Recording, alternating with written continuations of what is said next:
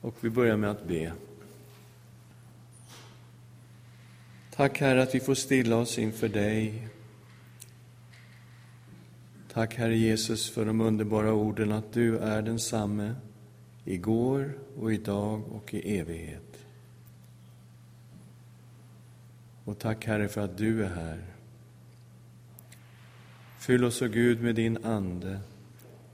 Öppna våra sinnen, våra hjärtan för dig. I Jesu namn. Amen. Ja, vi har kommit fram till det sjätte kapitlet nu i Apostlagärningarna. Och vi har kallat den här första biten för diakoni och martyrskap. Det är alltså kapitel 6 och 7 som vi har den rubriken på. Först så kommer vi att titta på de allra första diakonerna, åtminstone embryot till de första diakonerna. Stefanus predikar och arresteras. Sen kommer Stefanus långa tal inför Stora rådet. Och vi kommer också att läsa om hur Stefanus blir den första martyren. Så, vi börjar i sjätte kapitlets första vers och läser om de första diakonerna. Vid den tiden då antalet lärjungar ökade började de grekisktalande judarna klaga på de infödda judarna över att deras änkor blev förbisedda vid den dagliga utdelningen. Då kallade de tolv till sig alla lärjungarna och sa det är inte bra att vi försummar Guds ord för att göra tjänst vid borden. Nej, bröder, utse bland er sju män som har gott anseende och är uppfyllda av ande och vishet, så ger vi dem den uppgiften. Själva ska vi ägna oss åt bönen och ordets tjänst. Alla de församlade tyckte att förslaget var gott, och de valde Stefanus, en man fylld av tro och helig ande. Vidare Filippus, Prokoros, Nakor, Timon, Parmenas och Nikolaus, en proselyt från Antiochia. Dessa förde de fram inför apostlarna, som bad och lade händerna på dem, och Guds ord hade framgång och antalet lärjungar i Jerusalem ökade kraftigt. Även en stor skara präster blev lydiga mot tron. Det fanns verkade som etniska problem som var på väg att segla upp i den första församlingen. För det kom eh, klagomål, alltså antalet troende ökade och det var svårt tydligen för apostlarna att hålla ordning på allting. Och de grekisktalande judarna, de började klaga på att deras änkor blev förbisedda vid den dagliga utdelningen. Så att det fanns ju då tydligen naturligtvis änkor som talade arameiska och som var infödda i landet och som bodde där i området.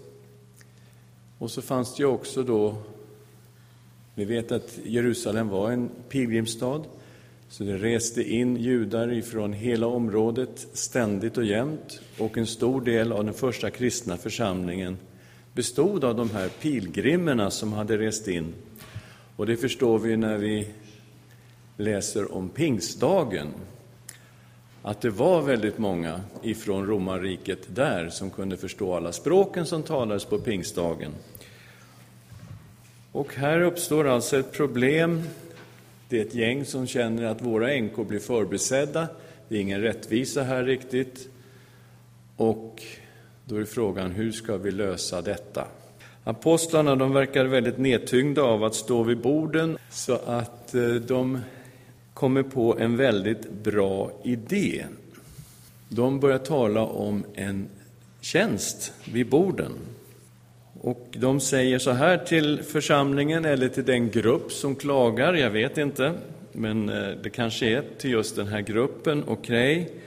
bröder, utse bland er sju män som har gott anseende och är uppfyllda av ande och vishet, så ger vi dem den uppgiften. Och det gör de. De utser sju stycken män. Och det är intressant att alla de här namnen är grekiskklingande namn. Så att de eh, har en väldigt vis approach till det här. De kommer ju då, grekisktalande judarna är de som klagar. Och de säger, okej, okay, nu får ni utse sju män. De ska ha de här kriterierna uppfyllda. De ska vara fyllda av Guds ande och av vishet. Och så väljer de sju stycken och samtliga har då grekiska namn. Och det betyder att de kommer ju från den här gruppen som klagar. Och alla är väldigt nöjda över det som sker. Och det blir en avskiljning för tjänst. Vi kan också se här flera saker som har med tjänst att göra. Apostlarna säger i vers 2 det är inte bra att vi försummar Guds ord och gör tjänst vid borden. Här finns det någon sorts värdering eh, som kan vara intressant att åtminstone känna på. Och de säger i vers 4, apostlarna, själva ska vi ägna oss åt bönen och ordets tjänst. Och det betyder ju att de har uppfattat sin kallelse som apostlar, att det finns någonting som är prioriterat över att bara tjäna i största allmänhet. Och de uppfattar det, alltså sin kallelse som apostlar, som en topprioritering att ägna sig åt ordet och bönen. Vi kan också se här en ny tjänst som då växer fram i församlingen som vi kallar för diakoner. Det står inte att tjänsten hette diakoner och därför har det funnits en viss diskussion. Var de här verkligen de första diakonerna? Men det är precis samma verbform som används i andra versen, att göra tjänst vid borden. kommer från ordet diakonos. Jag tror att vi kan se att här kommer de första diakonerna fram. Vi läser om det i Filipperbrevet, att de hade diakoner, församlingstjänare, står det där. Vi läser om det i Första Timotebrevet, där Paulus listar ju väldigt tydligt de kriterier som ska finnas för äldste, och sen så listar han kriterierna för diakonerna. Så det här är ju en tjänst som växte fram tidigt i den kristna församlingen och jag tror att vi har ursprunget precis här. En annan sak som vi ser vad det gäller tjänst är handpåläggningen. De här avskiljs för den här tjänsten att tjäna vid borden. Vi kommer till sjätte versen. Dessa förde de fram inför apostlarna som bad och lade händerna på dem. Så församlingen utser de här sju, men det är apostlarna som sen lägger händerna på dem och ber för dem. Det sker en sorts avskiljning för tjänsten. Ett mönster som vi sen ser återupprepas när Paulus och Barnabas skickas ut på sin första missionsresa i församlingen i Antiochia. Samma sak där, man, man lägger händerna på dem och avskiljer dem för tjänst. Så det är ett mönster som vi har fått härifrån och som vi också använder i våra församlingar för tjänster. Handpåläggning och förbön. Det man kan se om diakontjänsten i Nya testamentet det är ju att det är en praktiskt tjänande tjänst. Eh, medan äldstetjänsten har då med det här i sig som vi ser apostlarnas prioritering av ordet och bönen. Men diakontjänsten handlar om ett praktiskt tjänande av sin medmänniska, av syskon i församlingen. Vi kanske lämnar det där så länge, så går vi vidare. Vi lägger då märke till att den här Stefanus, som var full av helig ande och vishet, att hans tjänst var inte bara att stå där vid borden precis och dela ut mat. Vi läser vers 8 och 9. Stefanus var fylld av nåd och kraft och gjorde stora tecken och under bland folket. Då uppträdde några ifrån den synagoga som kallades det frigivnas folk från Syrene och Alexandria, Silicien och Asien och började diskutera med Stefanus. Vi tar tian också, men de kunde inte stå emot den vishet och den ande som här talade. Så här var ju alltså en diakon som eh, fungerade ungefär som apostlarna ju. Stora tecken och under och han var igång och predikade om Jesus, Stefanus. Och de kunde inte stå emot den vishet och den ande som här talade. Då började de hitta anklagelsepunkter emot honom som liknar sådana som man hade mot Jesus. Då intalade de några män att säga, vi har hört honom tala hediska ord mot Mose, mot Gud, och de hetsade upp folket och de äldste och de skriftlärde, och dessa överföll honom och släpade honom med sig och förde honom inför Stora rådet. Och sedan så lät de falska vittnen träda fram och sa, den mannen slutar inte att tala mot denna heliga plats och mot lagen. Vi har hört honom säga, Jesus från Nasaret ska bryta ner denna plats och ändra på de seder som Mose har gett oss. Alla som satt i rådet fäste ögonen på honom och såg att hans ansikte var som en ängels. De tyckte att hans ansikte liknade en ängels ansikte, vilket nog talar för att han var helt uppfylld av den heliga Ande.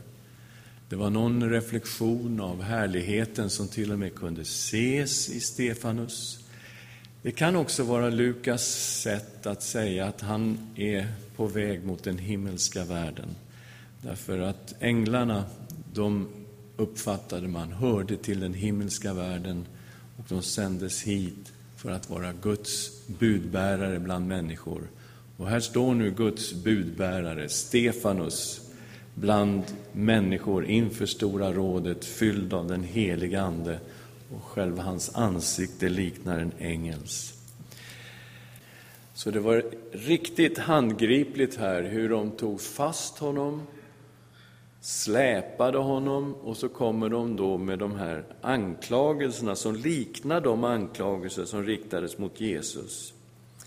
Vi har hört honom säga att Jesus från Nasaret ska bryta ner denna plats och ändra på de seder som Mose har gett oss. Och det är klart, då kan man ju undra, vad är det för anklagelser hos Jesus de har tagit fasta på och som de har vridit lite på? Ja, det kan ju hända att Stefanus har citerat vad Jesus sa om detta tempel. Ni vet när lärjungarna i, i Lukas 21 säger till Jesus, titta på det här templet, visst är det vackert?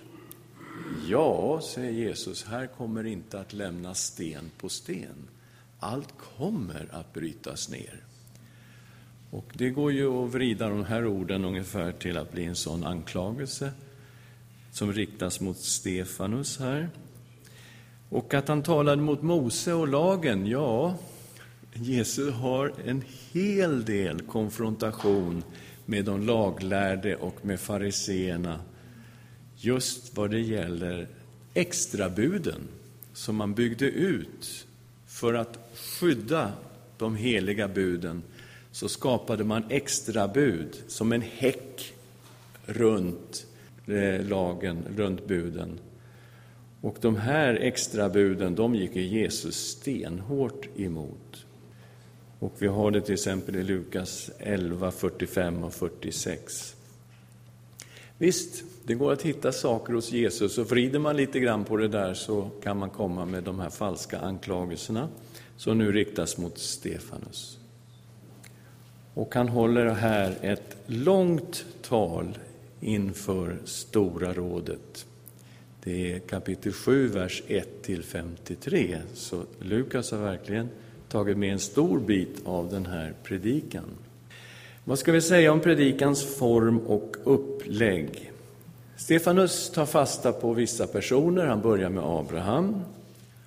Och han eh, fokuserar då på hur Gud har fört sitt handlande framåt genom Abraham, genom Josef, genom Mose. genom Josua, genom David, genom Salomo och profeterna och fram till Jesus. Det är liksom hans linje.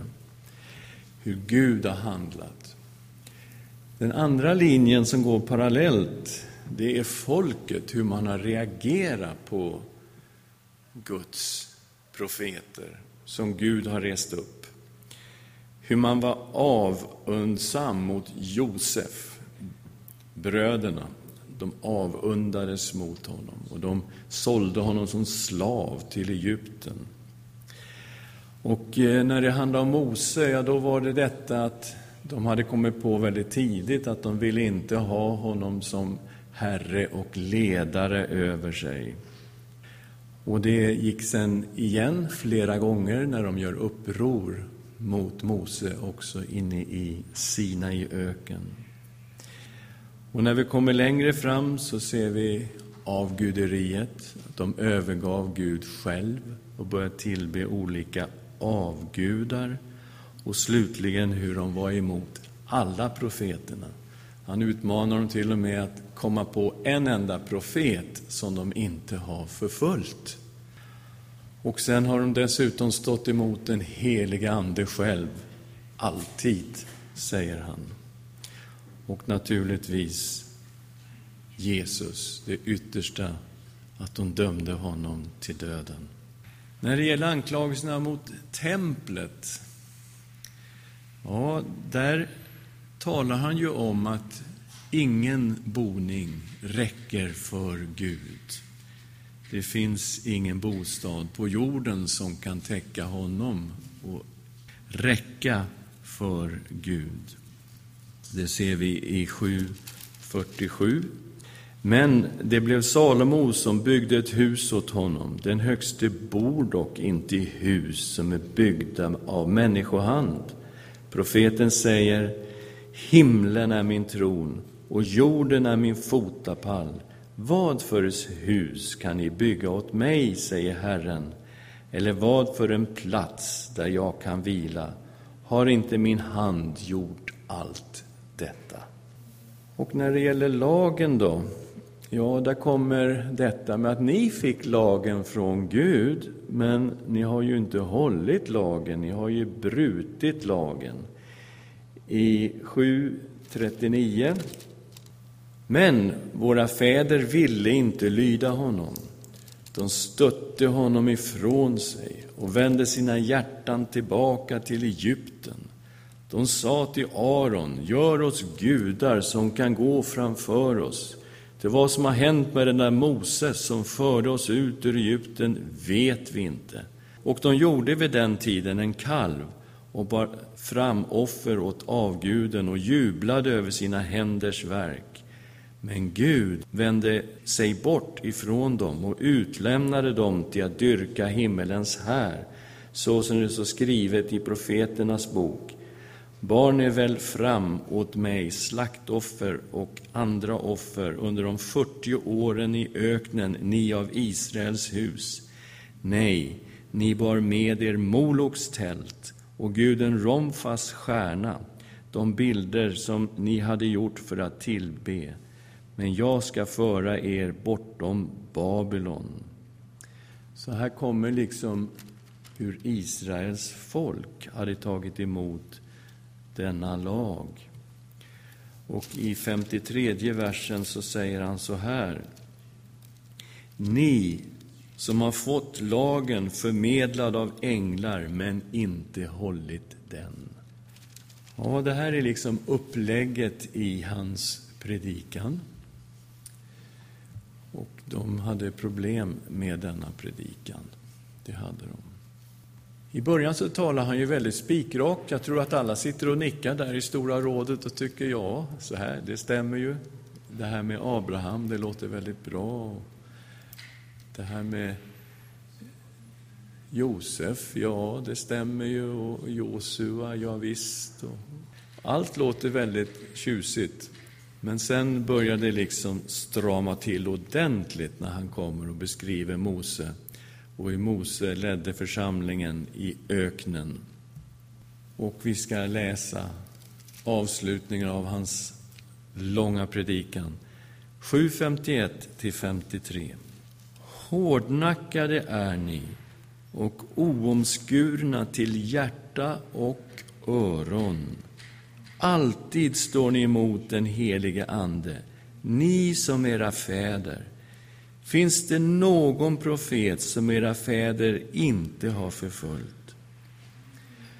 De dödade dem som förutsade att den rättfärdige skulle komma, och honom har ni nu förrått och mördat. Ni som har fått lagen förmedlat av änglar men inte hållit den. Och vad tror ni det blev för mottagande från Stora rådet på den här predikan? De blev ju fullständigt vansinniga. Alltså. I 7.54 läser vi hur de reagerade. När de hörde detta blev de ursinniga och skar tänder mot Stefanus. Jag menar, de, de är på, på väg att slita honom i småbitar. Och mitt i denna situation så får Stefanus en syn, en uppenbarelse. 55 versen. Men uppfylld av den helige Ande såg han upp mot himlen och fick se Guds härlighet och Jesus som stod på Guds högra sida. Och han sa, jag ser himlen öppen och Människosonen stå på Guds högra sida. Vilken syn han får! Han ser alltså en öppen himmel. Han ser Gud och han ser hur Kristus Människosonen står på Guds högra sida. Och Det här är ju inte helt olikt vad Stora rådet har hört ifrån Jesus lite tidigare. I Markus 14 kapitel, och vi tittar på vers 61, när Jesus står inför Stora råden. Markus 14, 61. Men Jesus teg och svarade inte. Översteprästen frågade honom vidare. Är du Messias, den välsignade son? Jesus svarade, jag är. Och ni ska få se Människosonen sitta på maktens högra sida och komma bland himlens moln. Och Jesus hänvisar ju självklart till profetian om Människosonen i Daniel i kapitel 7, vers 13 och 14. Där det står just om Människosonen som kommer på himlens skyar och som får makt över alla folk. Och här kommer alltså en bekräftelse inför samma stora råd. Jesus hade uttalat vad, vad som kommer att ske och här står nu Stefanus och säger, jag ser en öppen himmel. Och jag ser just detta. Jag ser Herren själv och jag ser Människosonen stå på Guds högra sida. Ja, normalt sett så sitter ju Jesus på högra sidan i alla bibeltexterna, utom den här. För här står han ju på Guds högra sida. Och man kan fundera över varför står Jesus upp? Och om man går till Stefanus så uppfattar han att Jesus står där för att säga välkommen hem. Därför att det sista som Stefanus säger när han stenas till döds, det är Herren Jesus, ta emot min ande. Och man kan tänka sig då att Stora rådet borde kanske omvända sig här och eh, tycka underbart, härligt. Men de reagerar precis som de gjorde när Jesus säger sådana här saker. Då rev de sönder sina kläder och de dömde honom för hädelse. Han har hädat. Han gör anspråk på att han är Guds son att han är Människosonen. och de dömer honom till döden. Och det är precis samma reaktion vi får här. Stefanus stenas för hädelse. Vi kommer i sjunde kapitlet, Apostlagärningarna, vers 57 till 58. Då skrek de och höll för öronen och stormade alla på en gång fram emot honom. Och de drev ut honom ur staden och stenade honom och la sina mantlar vid fötterna på en ung man som hette Saulus. Ja, de uppfattar, precis som de uppfattade Jesu ord, uppfattar de också det här som ren hädelse. Han säger alltså att han ser Gud och att Jesus står där på Guds högra sida. Då börjar de skrika, för de vill inte höra vad han säger. Och de håller för öronen för att inte hädelsen ska på något sätt fastna i dem. Och de springer dit och de släpar honom ut ur staden och de handlar mot honom som man gjorde mot en hädare. Tredje Mosebok kapitel 24, vers 14. Förut hädaren utanför lägret sedan ska alla som hörde hädelsen lägga sina händer på hans huvud och hela menigheten ska stena honom. Så gör man med Stefanus, som är fylld av den helige Ande. Hans ansikte var som en ängels, men orkade inte ta emot de här orden.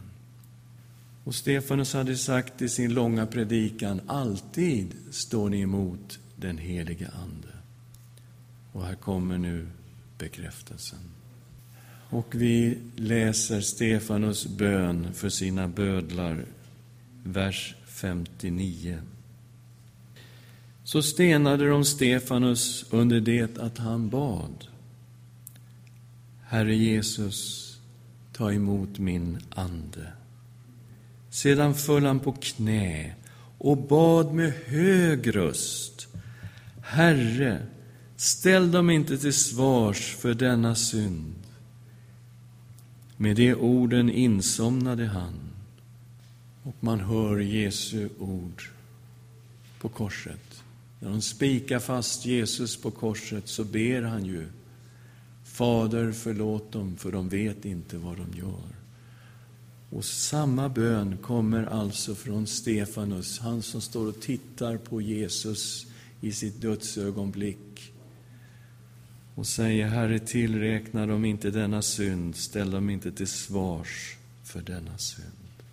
Ja, har ni några tankar på Stefanus och det som hände? Ja. Just det, de tog inte emot berättelsen, Stora rådet. De höll för sina öron och släpade ut honom och stenade honom. Men den här berättelsen, han vittnar fortfarande. Han vittnar för oss i Husbykyrkan. Och den förföljda kyrkan ser ju på Stefanus martyrskap, den första martyren i urkyrkan. Stefanus. Eva-Stina? Ja, godhet och sanning provocerar. Så är det. Och man hör Jesu ord, men det är flera Jesus ord som kommer till en. Va? Och detta är domen, att när ljuset hade kommit till världen, att människorna älskade mörkret mer än ljuset, eftersom deras gärningar var onda. Så ser man ju här ett exempel på detta. Eller när Jesus eh, talar till dem i Johannes 8 och de kan inte ta emot hans ord. Ungefär av samma anledning. Varför, 8.43, varför förstår ni inte vad jag säger? Därför att ni inte kan lyssna till mitt ord. Ni har djävulen till er far och vad er far har begärt till, det vill ni göra. Han har varit en mördare från början och har aldrig stått på sanningens sida, eftersom sanning inte finns i honom. När han talar lögn talar han av sitt eget, ty han är en lögnare, ja, lögnens fader. Men mig tror ni inte, därför att jag säger er sanningen. Vem av er kan överbevisa mig om synd? Om jag talar sanning, varför tror ni mig inte? Den som är av Gud lyssnar till Guds ord, men ni lyssnar inte därför att ni inte är av Gud. Ja, sanningen och godheten provocerar. Så är det. Ja, det är många tankar vi kan ta till oss ifrån detta. Men det som lyser var det som Vilgot lyfte fram. Hur Stefanus, fylld av den heliga Ande, ger sitt liv som en martyr för Jesus. Jenny, ja, det är en viktig sak i just det här tanken på vad som provocerar oss. Kan det vara så att vi har profeter ibland oss som faktiskt säger vad Gud vill ha sagt, men som stör oss så mycket så att vi visar det ifrån oss och inte tar till oss vad Gud vill säga? Det är en allvarlig förmaning. Ska vi be tillsammans? Tack, Herre, för ditt ord. Tack, Herre, för det exempel vi har i Stefanus. Fylld av din Ande så vek han inte från att säga sanningen, trots att han måste ha förstått vad som kunde hända honom om han talade ut sanningen i den situation han stod i. Men tack, Herre, för det exempel av frimodighet. Och tack för de här orden om den öppna himlen och ett välkommen hem som han fick. Tack Jesus Kristus för att du har öppnat himlen för oss. Tack för att du har gett oss evigt liv. Och tack för den dag vi ska få komma hem till dig. I Jesu namn. Amen.